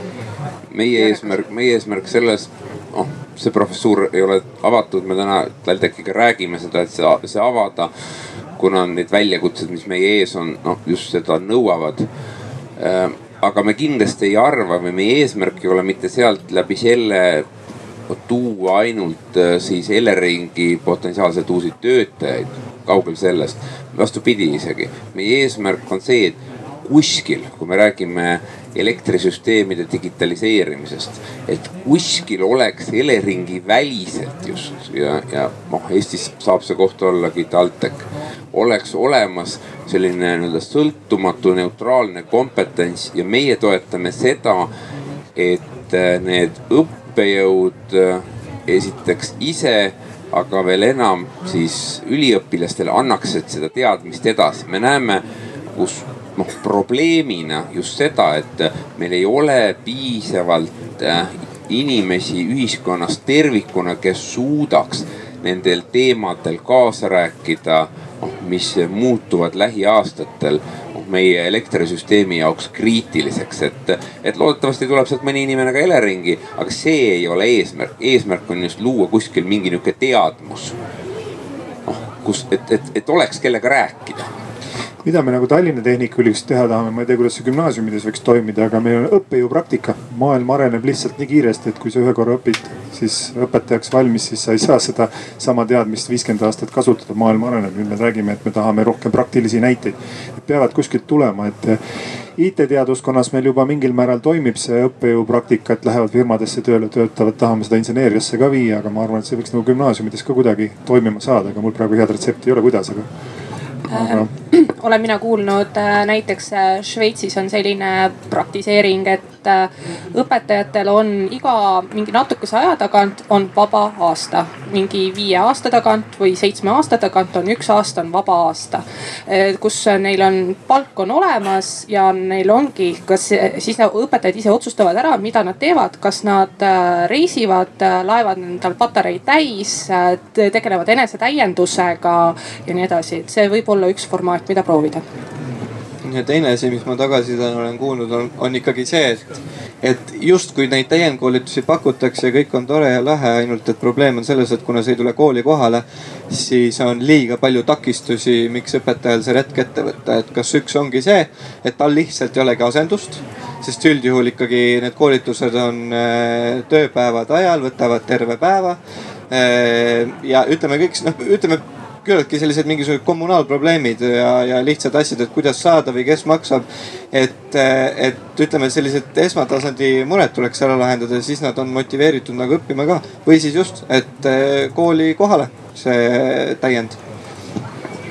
jah, et, et noh, tegelikult tuleb seda probleemi ju lahendada, et, et kuidas ikkagi need fundamentaalteadlased, füüsikud, keemikud, matemaatikud ikkagi tulevikus meil ülikoolis tekivad, et ega siin muud äh, varianti pole, siis tuleb teha tegelikult riiklik programm ja tegelikult need üliõpilased tuleb äh, varustada kõikide paremate nende õppimistingimustega. olmemured tuleb ära võtta, tuleb maksta neile stipendiumit. nii nagu maksab neile seda Singapuri riik ja võtab pärast viieks aastaks tööle, kindlustab tööga. aga kindlasti füüsikud ja matemaatikud, kui neid äh, fundamentaalteadusi me ei arenda, siis pole ka leidureid tulevikus olemas, et, et täna tegelikult TalTechis tegelikult teevad ikkagi teadust, kes biosame neid päikese uusi patareisid teevad vedelat teevad keemikud, eks ole. Need, kes on õppinud keemiat ja füüsikat või keemilist füüsikat. geneetika puhul on jällegi keemikud tegelikult mängivad põhirolli. et kui neid fundamentaalteadusi ei toetata, keemikuid, füüsikuid ja biolooge ja siis sealt ka neid eh, leidureid ei tule. järelikult sisemajandus koguprodukt ka ei kasva. kui neid leiutisi ei tule, mida on võimalik müüa, siis ei tule kusagilt lisaraha. et ma ei tea, aga ma vaatan igal õhtul seda filmi, seda Albert Einsteinist. minu meelest see film on pandud valele ajale, see peaks olema lastele mõeldud kuue, kell kuus peaks see film olema, aga mitte kakskümmend kaks null null, kui inimesed lähevad magama. sellepärast see film on nii huvitav, seal on küll väga palju elulisust, aga vaadake seda, kuidas seda Albert Einsteini on nagu esitletud. eelkõige on esitatud teda füüsikut, aga eelkõige eksperimentaatorit ja isemõtlejat, eks ole. see on suurepärane õppefilm, mis propageerib ühe füüsiku elukutset. kas see viib sellise, sellise mõtte juurde, et äh, äkki on ka äh, ette seatud riiklik õppekava kurjast, et, et selleks, et tekiks eksperimentaatoreid ja et õpetajatel oleks aega tegeleda päriseluga, katsetada ja valmistada ette teaduskooli jaoks paremini siis käelisi oskusi teaduse vallas ja, ja kas see on hoopis üks võti, mis võib päästa, et ma viin samal ajal võtme, telefoni nagu mina enam seda ei usu, mulle ka üritati alguses õpetajate poolt selgeks teha, et neile on kõik õppekava ette kirjutanud ja neil pole ruumi üldse mitte midagi panna ja paigutada. E, ma uskusin seda täpselt seniajani, kuni ma sain aru, et keskmine õpetaja, mida ta teebki, ta õpetab õpikut ja kuidas on õpik koostatud. loomulikult kirjastus ei taha kuidagi sattuda riigiga konflikti, ta paneb absoluutselt kõik, kõik need peatükid ja asjad sinna õpikusse kirja, mis vaja on läbida ja sellepärast saabki aeg otsa. aga, aga nendel momentidel, kui ma olen ikkagi kohtunud sarnaste särasilmsete õpetajatega, kes räägivad, et mida nad teevad, kuhu nad viivad ja et neil jääb aega ülegi et äh, tegeleda nende asjadega, mis õpilasi huvitab, võtta neid teemasid sisse, siis ma lihtsalt nagu ei taha enam uskuda seda, et õppekava on nii kurjast. õppekava on väga hulk, suur rida soovitusi ja neid on vaja ainult rakendada. Äh, tere, mina olen äh, Maria Rahamägi ja mina olen Edumusest, et võib-olla siin äh, paaril teemal tegelikult on tekkinud juba mõtteid ja üks äh, oluline punkt, mis ma tunnen, et äh, toodi välja vahepeal on see huvi tekitamine õpilaste seas. Ja ma näen, et piisavalt palju inimesi üldse ei lähe neid aineid ülikooli õppima ja te tõite välja ka selle teema, mis ma näen, on täiesti tõsi, et õpetajatel ei ole aega ja võimalust seda õpet alati nii praktiliseks ja põnevaks teha, et see piisavalt seda huvi tekitaks.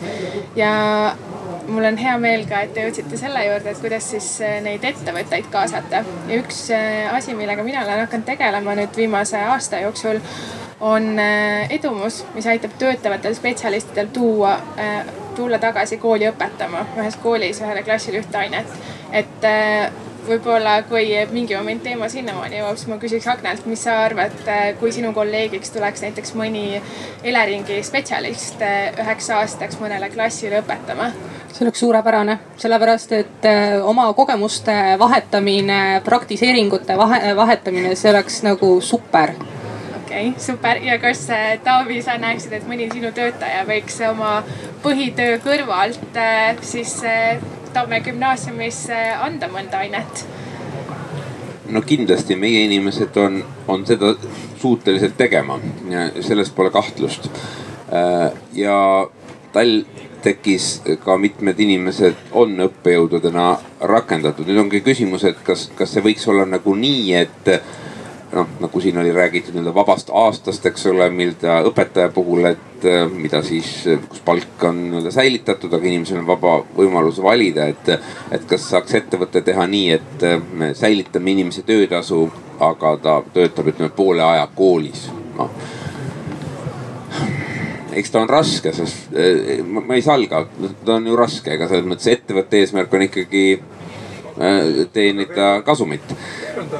Et eh, aga, aga, aga ma arvan, et see on üks nihuke teema, mis on kasvav ja ma paneksin ta täpselt selle sama sotsiaalse vastutustundlikkuse alla, et, et, et nii või teisiti meie ettevõttes me oleme kokku leppinud, et meil on sotsiaalse vastutustundlikkuse programm ja, ja tõenäoliselt ei saaks midagi olla olemuslikult, olemuslikult õigemat kui just ütleme näiteks sellesama sotsiaalse vastutustundlikkuse programmi kaudu vot noh selliseid tegevusi teha.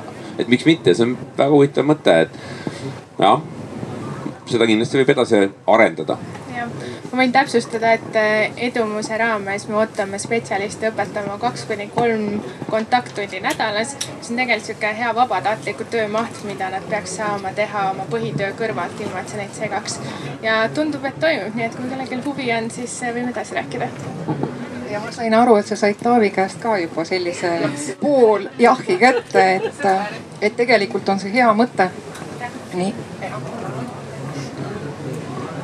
ma pöörduks uuesti veel kord põhjalikkuse juurde. et teie koolis oli ju, Markus oli ju ka, on ka IB õpe. Ja ma rääkisin seal ühe noormehega, ta õppis ajalugu ja võõrkeeli ja väga suures mahus võõrkeeli. ma küsisin, kuidas on võimalik, et sa nii suures mahus saad õppida, ütles. ta ütles, et aga eesti kirjandust ma ei õpi. ja muusikat ka ei õpi. jaa, absoluutselt, tal on seitse õppeainet, mida ta õpib aga miks ei peaks siis olema gümnaasium laiemalt Eestis nii, et, et noh, noored saavad õppida väga põhjalikult äh, võõrkeeli, aga saavad ka õppida keemiat, füüsikat ja matemaatikat mõne muu õppeaine arvelt. no eks see olegi valikute küsimus selles mõttes, et IB lihtsalt pakub sellist alternatiivi. ma tean, et eh, tegelikult täna ka Haridus- ja Teadusministeerium mõtleb väga mitme erineva mudeli peale, kuidas gümnaasiumiharidust eh, natukene võib-olla lahti loksutada ja sellesse uuendust tuua. Eh, üks mõte on näiteks selline, et kohustuslikud ained esimese pooleteist aastaga ära õppida, nii et ülejäänud poolteist aastat läheb siis nii-öelda nende valikainete süvendatud õppimisele, kuidas siis ise noor huvi järgi soovib või tahab. sest iseenesest, kui mõelda, mis täna nii-öelda nende nii-öelda kohustuslike õppeainete maht on, siis ütleme, selline keskmise õppeedukusega noor peaks suutma selle pooleteist-kahe aastaga ära õppida küll ma käisin, ma käisin Islandil äh, koolisüsteemi vaatamas ja seal on niimoodi, et äh, täpselt nii nagu te ütlesite, et äh, esimese aastaga nad õpivad põhimõtteliselt kohustuslikud ained ära. see tähendab muidugi see, et nad õpivad seda väga kergelt niimoodi, et nagu väga peale vaadates. ja siis ülejäänud aja nad saa, saavad siis pühenduda sellele, mis, mis neile päriselt meeldib. ja kui nüüd arvata, et sellest süsteemist tuleb meil rohkem insenere, siis kahjuks ei tule. ma vestlesin seal füüsikaõpetajaga aga nad õpivad seal füüsikat väga põhjalikult, aga need, kes seda füüsikat valivad, kaks inimest, kolm inimest maksimaalselt. et see on ääretult vähe et äh, tegelikult on niimoodi, et äh, no ma julgen väita seda, et noor inimene ei tea täpselt, mida, mida ta tegema hakkab. ja kui lasta noorel inimesel teha selline noh äh, selline valik, et ta paneb juba endal kuueteist, seitsmeteist aastaselt osa endale elukutseid lukku. siis äh, lihtsalt sellega, et ta, ta ütleb, et matemaatika on raskem ja siis ei õpi matemaatikat. noh, et äh, see on tegelikult ka meie poolt natukene vastutustundetu. ja ma olen ka nõus, et kindlasti see nii-öelda see see nii-öelda miinimum on vaja kätte saada ikkagi niimoodi, et inimesel on seal teadmised, mitte et lihtsalt üle sellise jala. aga väga hea märkus oli see, et ühe aastaga õpib tohutu palju. saab, jõuab süveneda väga põhjalikult nii füüsikasse kui matemaatikasse. tohutu töö teeb see keskkooli lõpus kõik see. tahate te kommenteerida seda vabade ainete teemat? ei oska? nii, palun tere, mina olen Tõnis. Ähm, ma mõtlen, kas see, äh, kas see valik ei, ei tehta juba palju, palju enne kui, äh, kui gümnaasiumis või pärast gümnaasiumit et ühiskondlikult meil on nagu missioon äh, valmistada õpilased hästi ette, et neil oleks laiapõhjaline haridus ja siis äkki tekib insenere.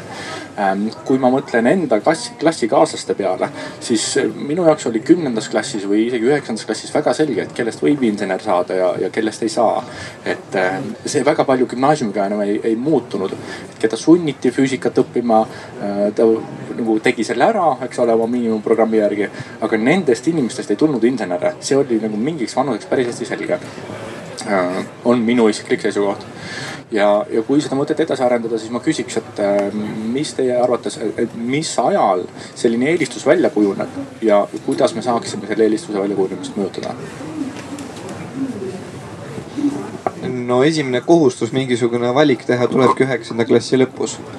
et et ja seal siis see valik, et kas gümnaasium, kutsekool, juhul kui üks neist kahest, siis milline ja, ja, ja mis suundadega.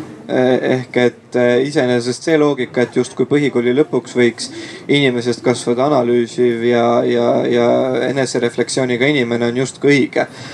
paraku ma tahaks või nagu mina ei näe seda koolipildis täna juhtuvat, et äh, siin on küll väga palju teinud Töötukassa Rajaleidja selle nimel, et, et õpilasi juba tegelikult põhikoolis nõustada nii karjääri küsimustes kui, kui erinevate õppeasutuste küsimuses. aga mina endiselt näen väga-väga suurt ebakindlust õpilastel just selle osas, et mida edasi teha. Ja ma ei ütleks isegi, et see on sellepärast, et nii palju on igasuguseid huvitavaid asju, mida teha ma isegi ütleks, et vastupidi, minu arust liiga ettevaatlikult äh, mõeldakse sellele, mida võiks õppima minna. ja mingisugune selline tendents on ka nüüd tekkinud, mida ma olen viimasel hästi palju enda eakaaslaste käest kuulnud. et ma ei ole piisavalt tark, et seda asja õppima minna samal ajal ta sai riigieksamitel mõlemad äh, eksamid üheksakümmend punkti. Äh, ja siis, kui ma esitasin selle küsimuse, et, äh, et siis näita mulle, kuidas sa selle järgi oled rumal, et minna näiteks, ma ei tea, Tartusse matemaatikat õppima, kuhu saab näiteks ka kitsamatjaga sisse. siis ta vastas, aga sadat ma ju ei saanud. et ühesõnaga ikkagi mulle tundub, et see on võib-olla jällegi nii-öelda see teine negatiivne pool ja see, see, seda, seda nagu ma olen lihtsalt tähele pannud, et ma olen rohkem kuulnud seda argumendina aga eelistuste kujundamine ja väljakujunemine, et te tahate seda, seda poolt palun kommenteerida e,? E, jah, ma võin lihtsalt oma arvamuse öelda, et e, ma ei tea, mis on tõde, aga, aga et, et kus see hoiak ikkagi välja kujuneb, et, et tõenäoliselt me oleme siin rääkinud koolist ja ühiskonnast ja ettevõtetest, aga, aga me ei ole väga palju rääkinud kodust. ja, ja ikkagi ma arvan, et väga paljuski see hoiak kujuneb ju kodus ja, ja tõesti ilmselt ta kujunebki välja seal kuskil põhikooli astmes.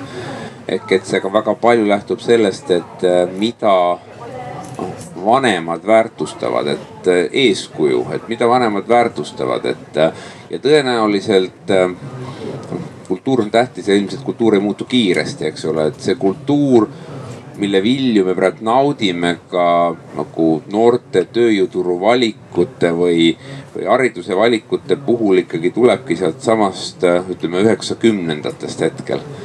Äh, kus olidki vot seesama, millest me siin algul natukene rääkisime, eks, et, et, et mis olid need erialad, mis tollal tundusid, et mis tagavad väikese pingutusega kõige suurema heaolu. et et, et see elab nagu täna edasi, aga, aga mulle tundub, et, et me natukene oleme seal kuskil murrangu hetkes, et, et üha rohkem ka vanemaid kuidagi näevad seda maailmapilti teistmoodi ja üha rohkem on kodus nagu seda julgustamist või seda suunamist, et ka needsamad insenerierialad, et, et need on midagi sellised, sellist, mis nagu avavad maailma ja mulle tundub, see ei ole nagu väike argument, et, et inseneri erialad on tõenäoliselt nagu kõige rohkem, mis avavad maailma, et.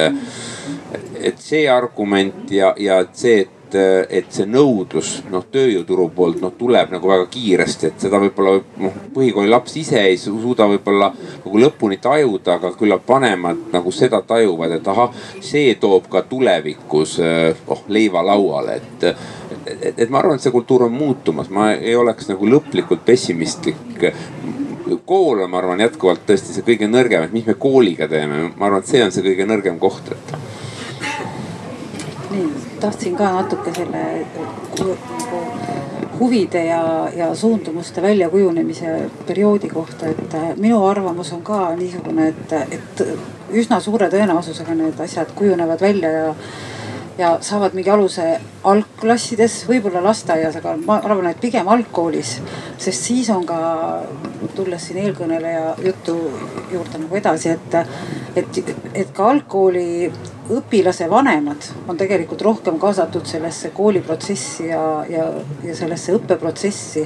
et, et kui algkoolis pakkuda õpilastele neid erinevaid huviringe ja kui, kui seal oleksid need tunnid elulisemad, et siis äh,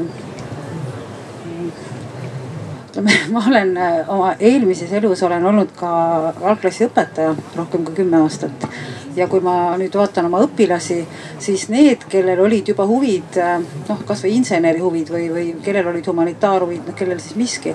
et, äh, et oli siiski suures plaanis näha, mida noh, mis kedagi huvitab. et muidugi noh, mõnel juhul need muutusid, aga, aga et see saab ikkagi suhteliselt ikkagi esimeses kooliastmes aluse, tundub mulle jah ma korra võtaks sõna kui lapsevanem, et ma äh, olen Taaviga selles mõttes hästi nõus, et, et mida teha kooliga.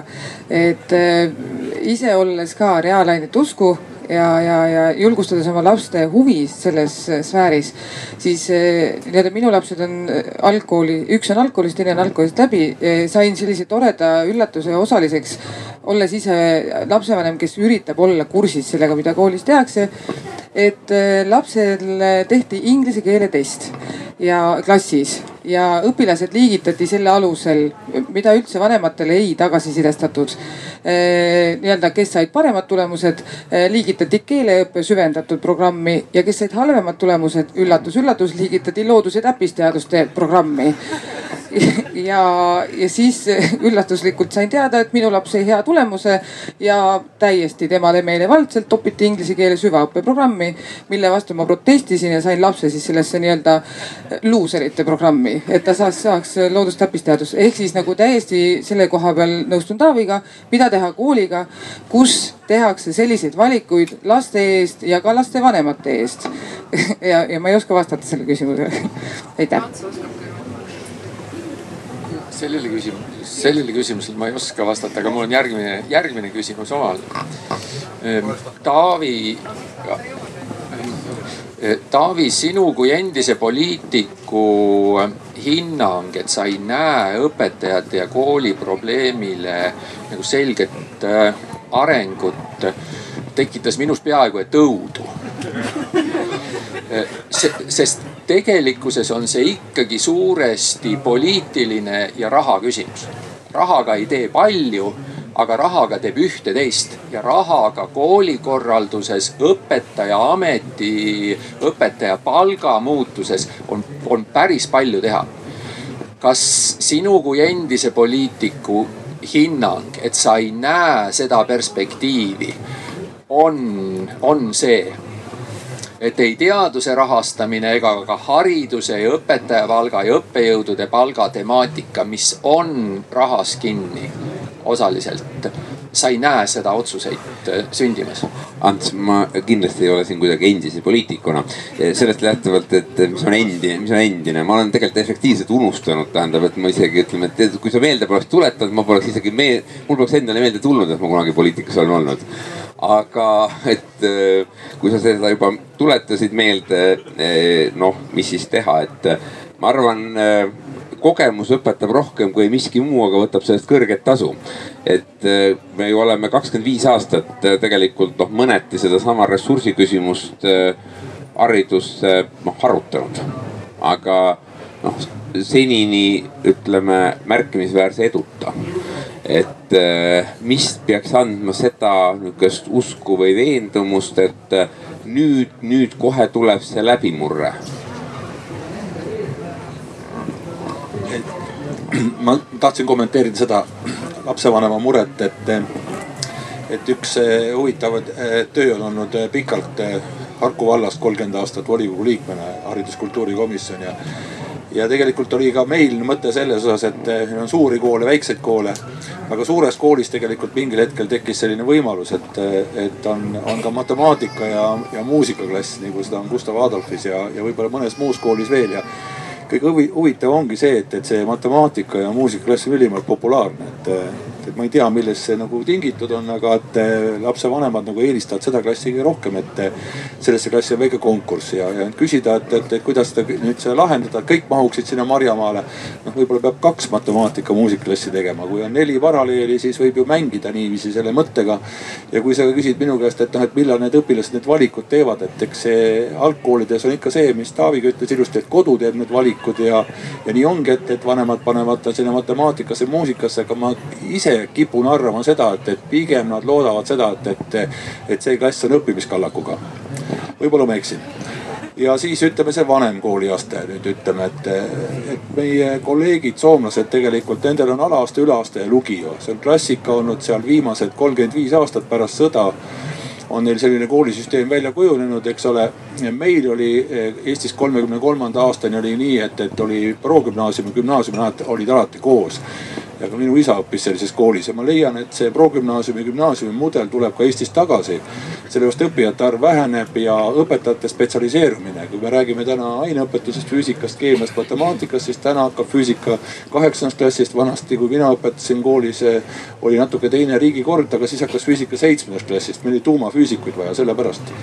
Aga et, et kui me tahame termotuuma elektrijaama ehitada endale, prantslased ehitavad koos teiste eurooplastega ja see on kõige puhtam energialiik kõik, seda tehakse veest, eks ole siis eh, meil on vaja jälle termotuumafüüsikuid, eks ole, aga kui meil endal füüsikuid pole, siis me peame neid sisse ostma, aga, aga kuidas me ostame neid sisse näiteks Iraanist või Iraagist?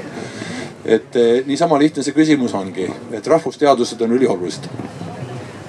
mulle tundub, et me jõudsime, meil hakkab aeg otsa saama ja nüüd alles hakkab väga huvitavaks minema, et. ja mulle tundub, et me jõudsime kõige olulisemani, mida eh, ühes esimeses vestluses eh, tuleviku tööalal eh, Andres ütles, et kus oli ka Ants et kui koolist saad teadmised ja oskused ja neid arendad sa tööelu jooksul järjest edasi, siis see kõige olulisem, need hoiakud.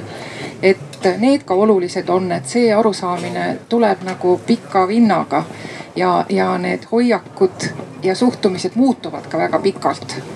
et äh, mul on tunne, et, et meie täna see, mille ümber me nagu ka palju keerutanud oleme, see tööle tähenduse andmine, õpetaja töö hindamine ja hinnastamine on ka suuresti ühiskonna hoiakute teema, et, et ma hea meelega annaksin nüüd igale panelistile veel lõpetuseks äh, selle teema kokkuvõtmiseks enda poolt äh, sõna?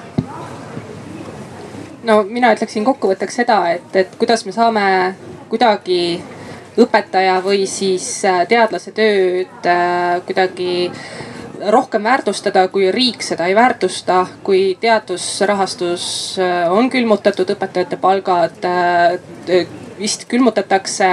et noh, see, kui, kui riigi poolt, valitsuse poolt sellist sõnumit ei tule, siis ühiskonnas noh, rohujuure tasandil on see väga raske tekkima mm, me oleme nüüd hästi palju süüdistanud ühiskonda igasugustes erinevates asjades ja seda ongi hästi mugav teha ja sellel on kindlasti väga suur tõepõhi all. võib-olla lihtsalt see, et eks tegelikult see enda initsiatiivi võtmine ja haaramine on ka küllaltki oluline et äh, arvatavasti äh, lapsevanem saab seda äh, muuta sellega, et ta pakub välja lisavõimalusena, et kuule, näed, sa oled mõelnud siin ainult ühiskonnateadusi, aga vaata, mis seal keemias toimub, eks ole. mitte, mitte rääkida sellest, kuidas see on õudne ja, ja need, kes seda õppima lähevad, ei ole kõige paremad ja nii edasi. ja teisalt ka see, et tegelikult meil endiselt Eestis on elukestev õpe ja mingil ajal arvatavasti hakkab ka see asju paika panema, et kui sellel inimesel, kellel on ikkagi mingisugune haridus, mis tööturul ei vasta, siis tal on kaks varianti, et kas ta jääb koju istuma või otsustab ise, et hakkab ümber õppima. et eks see võib, loodetavasti hakkab ka midagi paika panema. aitäh, Markus võib-olla jätkaks siit elukestva õppe juurest just, et me oleme mõelnud, et millal see otsus tehakse algkoolis või põhikoolis. tegelikult me näeme, et väga paljud inimesed mõtlevad äh, mõtlevad uuesti eriala valiku peale palju hiljem, kolmekümnendates, neljakümnendates. nii et eh, viie aasta jooksul näeme Tallinna Tehnikaülikoolis kindlasti mitmeid üheaastaseid magistriprogramme ja ilmselt ka Rätsepa ülikool magistriprogramme, Rätsepa ülikooli magistriprogramme, et eh, üliõpilane või inimene tuleb ja paneb ise kokku sellise õppekava, mida ta ise tahab, natuke õpib ajalugu, natuke IT-d, natuke mehaanikat, natuke majandust, mis teda huvitab, mis näeb, et elus edasi aitab ja sihuke paindlikkus on tuleviku võti jah, ma kõigi selle eelöelduga nõustun ja ütlen veel juurde võib-olla ainult nii palju, et, et mulle tundub, et see kõik hakkab ka kõigist meist endist pihta, et et kui me siin ka täna räägime ja oma igapäevase tegevusega, ükskõik mis rolli me täidame, seda tähendust noh proovime anda ja, ja, ja neid töökohti ja neid inimesi väärtustame, ükskõik kus nad siis parasjagu töötavad, et neid insenere meil tulevikus oleks, et siis ma arvan, et see on vast kõige olulisem väga ilus. ma tahaksin, head kuulajad, teile kõigile meelde tuletada, et Oskasin seinal on Kutsekoja juures tööjõu ja oskuste vajadust uuriv seltskond kes erinevates valdkondades paneb kirja siis seda, et kus on täna töökohad, kus nad tulevikus saavad olema, kus täna koolitatakse ja kas seal need asjad kokku lähevad või mitte. et kellel nüüd tekkis mõte, et võiks vaadata, kus need huvitavad töökohad on nüüd siin energeetikas ja nii edasi. et saab seda teha kindlasti, kui guugeldab Oska sõnaga äh, veebis. aga ma tahaksin meie selle arutelu kokku võtta võtta Taavi muuseas äh, sind guugeldades leitud äh, remargi, remargi lausega, et äh, ainult meie fantaasia kingib meile eluõiguse. inimene vajab tulevikuvisiooni ja vajab seda, et, et see tulevikuvisioon teeks praegustest pesupostidest unistuste lipumastid. ja inimesed ei järgne teistele inimestele, vaid visioonile ja, ja sellest me täna rääkisime, et meil tegelikult oleks vaja selleks, et neid muutusi, mis meid ühiskonnana vaja on, me saame inimestena hakkama, me saame ettevõtetena hakkama, aga meil ühiskonnana oleks vaja neid muutusi.